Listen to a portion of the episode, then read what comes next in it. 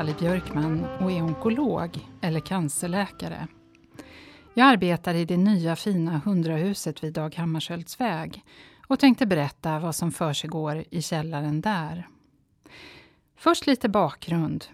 Mitt förhållande med Akademiska sjukhuset är långt i och med att jag är född här och har arbetat här i omgångar sedan jag fyllde 18 år. Jag har arbetat som respiratorvakt, barnsköterska, undersköterska. Jag har sen gått läkarutbildningen i Uppsala och arbetat som onkolog här i flera omgångar. Även om jag också jobbat på andra sjukhus och till och med i andra länder. Jag bor här i Uppsala, är gift med Kalin som även han är onkolog och nu för tiden också min närmaste kollega. Vi har två barn som av förklarliga skäl har en hatkärlek till våra arbeten. Det är okej att ni arbetar på sjukhuset men ni behöver väl inte berätta för alla att ni jobbar med tarmar, sa de i tioårsåldern.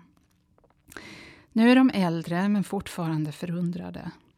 Hur kan man vilja jobba med rumpor? För det här lilla sommarpratet ska handla om det jag lägger nästan all min arbetstid på och det som akademiska är specialiserat på, nämligen analcancer. Vi kan konstatera direkt att det är en sjukdom man inte är stolt över att ha. Om mina barn skäms över att mamma jobbar med den så kan ni lista ut hur det är för patienten att ha den sjukdomen. Det finns bröstcancergalor och mustaschkamp men för patienter med analcancer så finns det ingen glamour och inga färgglada band. Det är en sällsynt diagnos. Vi har cirka 200 nya patienter per år i Sverige.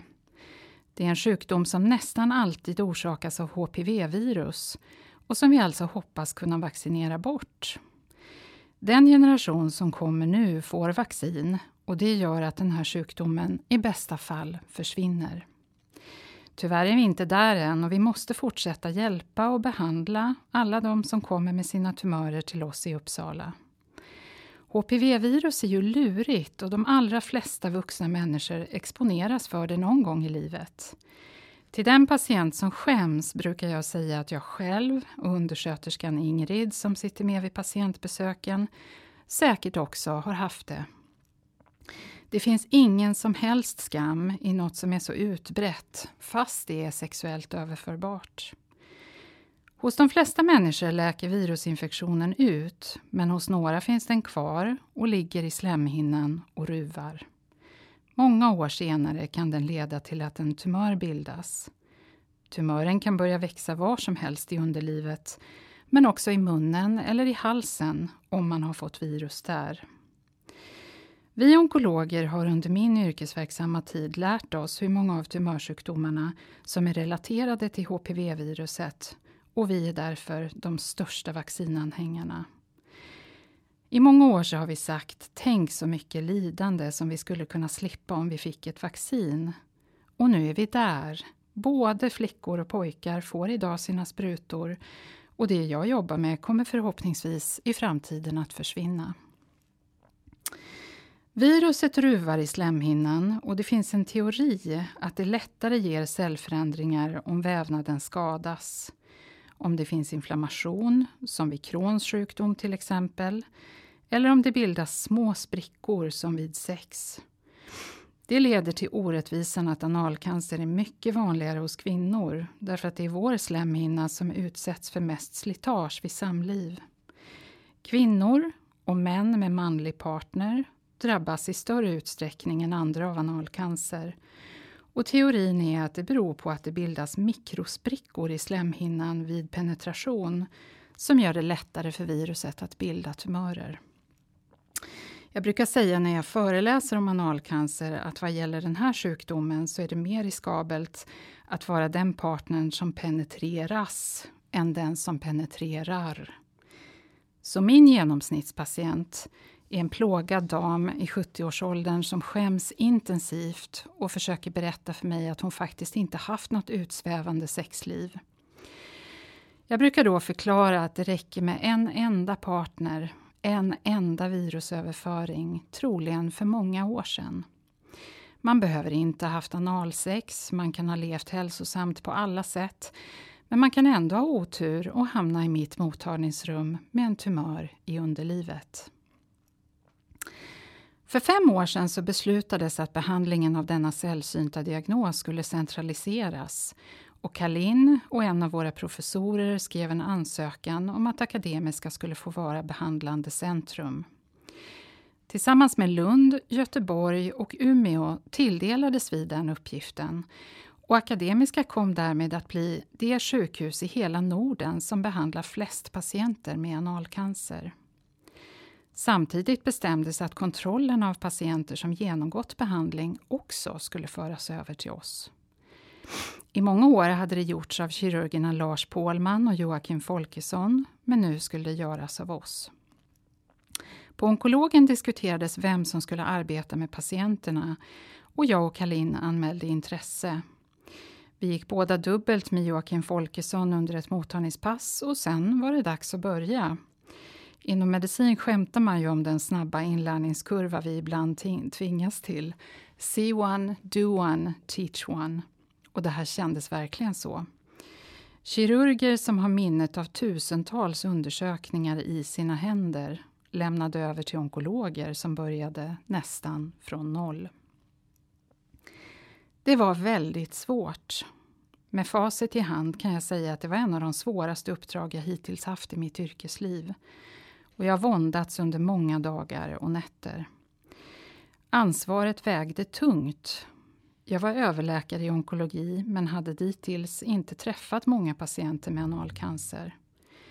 Behandlingen, som består av cytostatika och strålbehandling samtidigt i nästan sex veckor, är tung och patienterna utvecklade allehanda biverkningar. Kalin och jag konsulterade varandra. Vad gör man när strålbiverkningarna är så uttalade att patienten inte kan sitta? Hur mycket cytostatika vågar man ge till en 85-årig dam om syftet är att bota? Vid sällsynta sjukdomar finns inte så mycket hjälp att hämta i litteraturen. Vi ringde hem till vår pensionerade professor och lånade ur hans långa erfarenhet. I början tog jag ofta in Kalin så att vi undersökte patienterna tillsammans. Vad är det jag känner? Är det ärrvävnad eller är det tumör? Vi tittade på bilder i böcker, vi försökte få stöd för det vi trodde. Vi kände oss ganska ensamma nere i källaren. Vi gjorde kalkyler för att visa uppåt hur många patienter som skulle komma och vilka resurser det skulle ta i anspråk. Vi räknade ut hur många minuters läkartid och underskötersketid varje patient skulle behöva under behandling och fem års uppföljning. Det var skrämmande. Vi fick inte rekrytera, sjukhuset hade anställningsstopp. Helt uppenbart så skulle vi inte räcka till. Vi jobbade på, bokade in fler patienter, adderade undersköterskan Ingrid till vårt lilla team för att avlasta oss. Hon lärde sig att hjälpa patienter med trasig hud och att lindra deras smärta, rengöra deras tumörsår. Vi tog ännu fler patienter. Vi lärde oss snabbt att tiden var kritisk. Forskningen visar tydligt att för långa väntetider leder till sämre behandlingsresultat.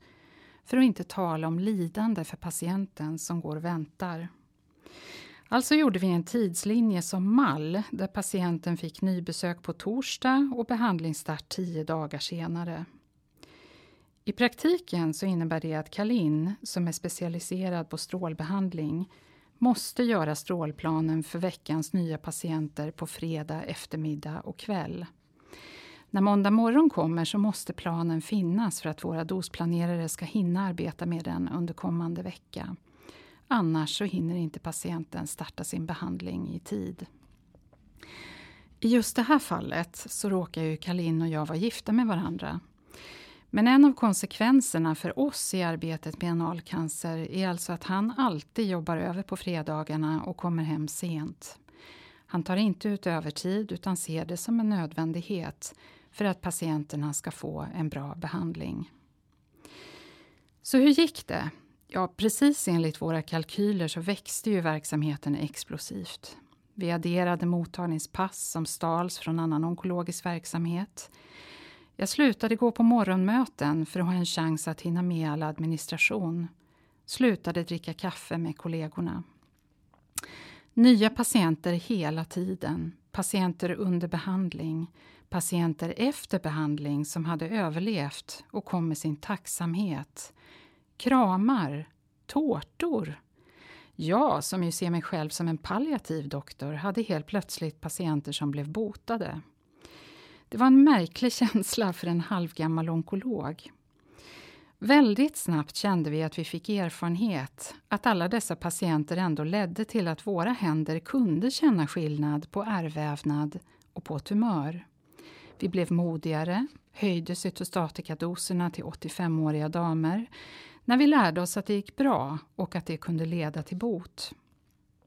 Vi rapporterade in våra resultat till ett centralt register och kunde där se att våra resultat faktiskt är utmärkta. Vi botar väldigt många, fler än på vissa stora kliniker utomlands. Vi har fått hjälp av tre ST-läkare som lär sig verksamheten. Erik, Katrin och Rebecka som står för föryngringen och framtidshoppet. Plötsligt kommer de och frågar mig om det de känner är ärr eller tumör. Och jag kan svara, faktiskt med en viss säkerhet. Vi har hela tiden haft fantastiskt stöd av syster Katarina som är vårt ankare på strålbehandlingsavdelningen och av Marie som är koordinator och en fullständig stjärna. Vår kontaktsjuksköterska Tove lägger enormt mycket tid på telefonsamtal med patienter och vi skulle inte klara oss utan henne. Det känns som om vi har byggt en verksamhet ur ingenting, men av envishet och vilja. Och I dagsläget så slår vi i taket igen. Vi räcker inte till. Jag är en patientdoktor och har alltid sett det som viktigast att varje patient får ett personligt och vänligt bemötande. Vi måste ha tid att trösta och uppmuntra. Det ska finnas utrymme för kramar och för samtal om livet. Men Tove räcker inte till och inte vi doktorer heller. Förra året hade Akademiska dessutom värdskapet för den nationella telemedicinska konferensen för analcancer som hålls varje fredag eftermiddag. Det innebar att Kalin eller jag var tvungna att vara i tjänst varje fredag hela året om vi inte kunde hitta en vikarierande kollega. Jag hade en plus en och en halv veckors semester förra sommaren och även i år har vi ansökt om väldigt lite. Förstås är det inte hållbart på sikt. Vi måste få hjälp. Eftersom patienterna kommer från andra regioner så innebär ju det mycket intäkter för Akademiska. Just nu förbereder vi nya siffror för att kunna visa att vi behöver utöka för att kunna fortsätta hjälpa patienterna. Förra veckan så hade jag fullbokade mottagningar, skrivbordet fullt med lappar om patienter att ringa och remisserna välde in. En, två, tre nya patienter. En till, fyra. Jag kände mig helt överväldigad. Jag delade den känsla som så många tusen av oss i sjukvården har. Vi springer fortare och fortare, töjer oss, försöker hela tiden göra mer och bättre. Det jag har beskrivit för er är vad som händer i källaren på ingång 101. Men det finns liknande berättelser från precis varje byggnad och varje våningsplan i vårt sjukhus. Vi ska vara mycket stolta över det arbete vi gör. Vi hjälper människor på ett eller annat sätt. Det är inget lätt arbete. Det finns betydligt enklare saker att ägna sig åt om man vill det. Men vi ska vara stolta över att vi kan erbjuda en ledsen dam från Värmland med en smärtsam tumör hjälp att bli bättre. Det här programmet har jag särskilt bett mina barn att lyssna på. Kan det obegripliga förklaras? Fina barn, så här är det. Kanske kan ni nu bättre förstå varför det är pappas och mitt kall att ta hand om folk med tumörer i rumpan.